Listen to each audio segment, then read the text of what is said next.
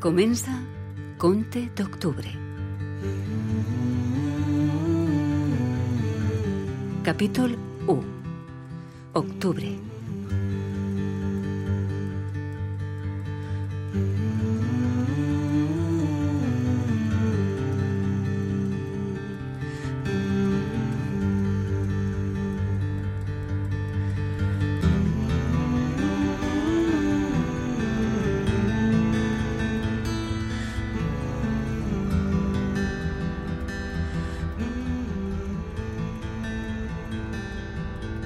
L'Euromet procedent de Barcelona-Sants, amb destinació València-Joaquim Sorolla, té prevista la seva arribada a les 11.50. Auriculars? Auriculars? Sí, per favor. De veritat? Són gratis? A casa tens 20 capsetes d'auriculars que mai has utilitzat. M'agrada escoltar música al tren. 20 auriculars, Laia. 20 capsetes omplint un calaix. I estos auriculars sonen fatal. Els vol? Sí, per favor. Gràcies. De res. 21. Quina classe de persones són les que passen hores sense tindre res a dir-se? Mm? Els matrimonis.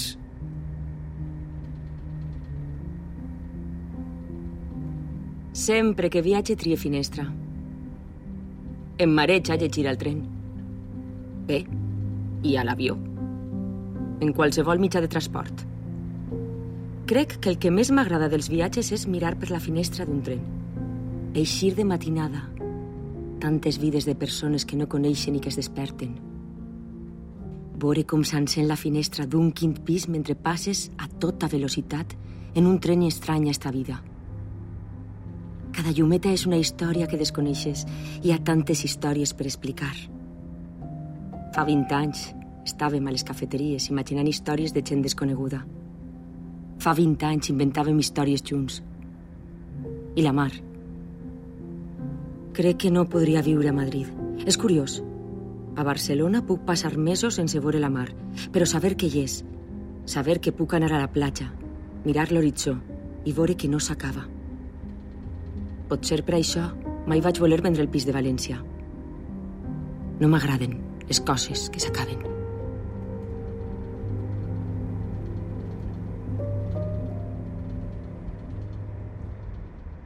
Està bé? El què? El llibre. Que si està bé. Ah, entretingut, però no pensar. Jaume, Sí? gràcies per acompanyar-me. De res. I tornada al silenci. Si això fora una pel·lícula, veuríem Laia mirant per la finestra i Jaume embrancat en la lectura. Veuríem com ella el mira de reull, buscant el retorn d'una mirada. I veuríem com Jaume no alça la vista del seu llibre. D'un temps ençà, els silencis entre Laia i Jaume són més llargs. Eh, No són incòmodes. Eh? Quan fa 20 anys que estàs amb una persona, entens els silencis. Saps interpretar-los.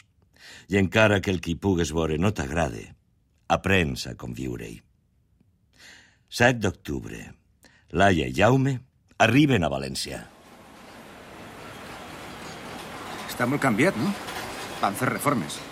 Fa molt que no vens amb tren. Era una altra estació. L'altra era més bonica, no? Continua estant. A on? Hotel Palacio Valier, la plaça de Manises. 7 d'octubre. Per algunes persones les dates i els llocs són importants. Altres ni tan sols recorden els seus aniversaris. Potser Laia i Jaume no ho han pensat molt, però aquells esdeveniments rellevants que els han passat al llarg de tota la seva vida van ocórrer a l'octubre. El 22 d'octubre de 2012, Laia es va incorporar a la seva plaça com a professora de llengua castellana a l'Institut Catherine Albert de Barcelona. I dos anys més tard, l'1 d'octubre de 2014, Jaume va aconseguir plaça fixa a l'Ajuntament del Masnou.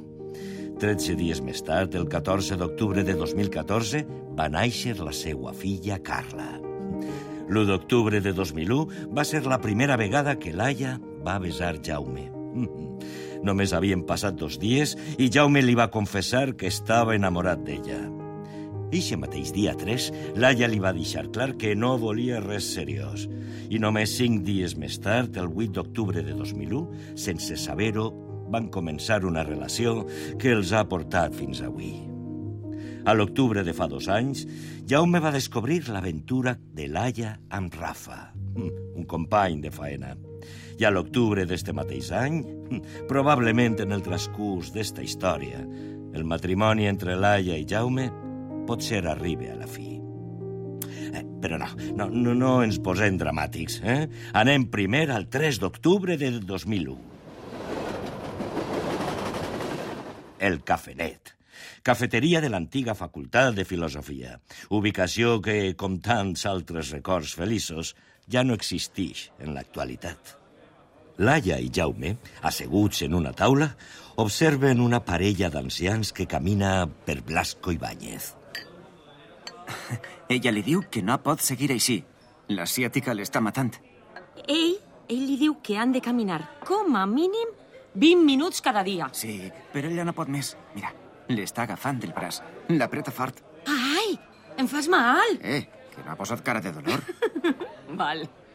Caram, caram, tens molta força. Caram! Eh, sí, clar que sí.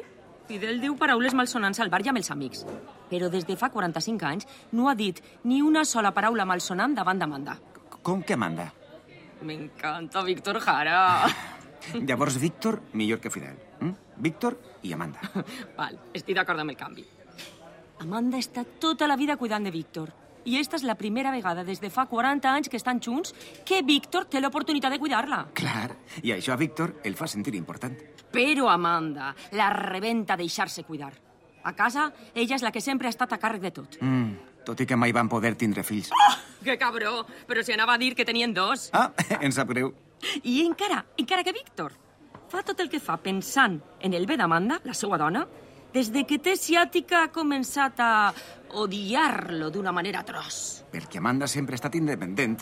Una dona de sa casa, però independent. No, no, no, no, no, no. Amanda té carrera. Amanda té carrera. Va estudiar farmàcia. Però no la va exercir mai. Per què? No pots canviar les regles. Amanda és una dona de sa casa. I l'odi que sent cap a Jaume... Eh, xt, Víctor. Mm? Víctor, l'odi que sent cap a Víctor per les seues atencions constants farà que esta nit li vinga al cap una antiga fórmula dels seus anys d'estudiant a la facultat de farmàcia. Per això, per això li apreta el braç amb força. Per això el mira als ulls fixament, perquè s'ha donat que 40 anys no valen de res si per una maleïda i simple ciàtica el seu marit és capaç d'usurpar així la seva identitat, la seva raó de ser. Esta nit, el cafè descafeinat amb llet i sacarina del seu home serà l'últim. I Amanda tornarà a ser lliure. Uf, la ja, eres implacable. Mira'ls, mira'ls com van agafats l'un a l'altre. Mm, pobre Víctor.